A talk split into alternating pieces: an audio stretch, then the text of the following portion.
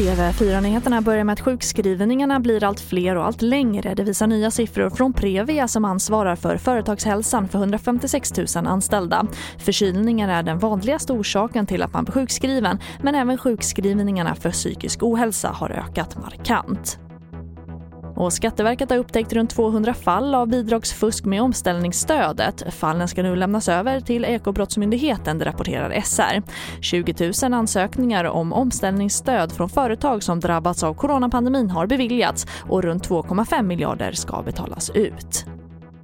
Och förstörelsen i svenska nationalparker och naturreservat har ökat i sommar när besökarna varit rekordmånga. Man eldar, tältar och cyklar på otillåtna platser och personal i parkerna som säger till har också mordhotats. Och nu ska Naturvårdsverket kartlägga hoten och alla överträdelser ska polisanmälas.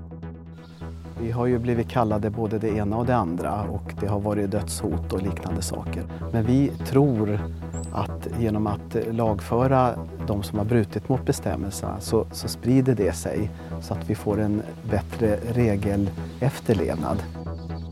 Och det sa Jonas Ekstrand, chef för Tyresta nationalpark. TV4 Nyheterna, jag heter Charlotte Hemgren.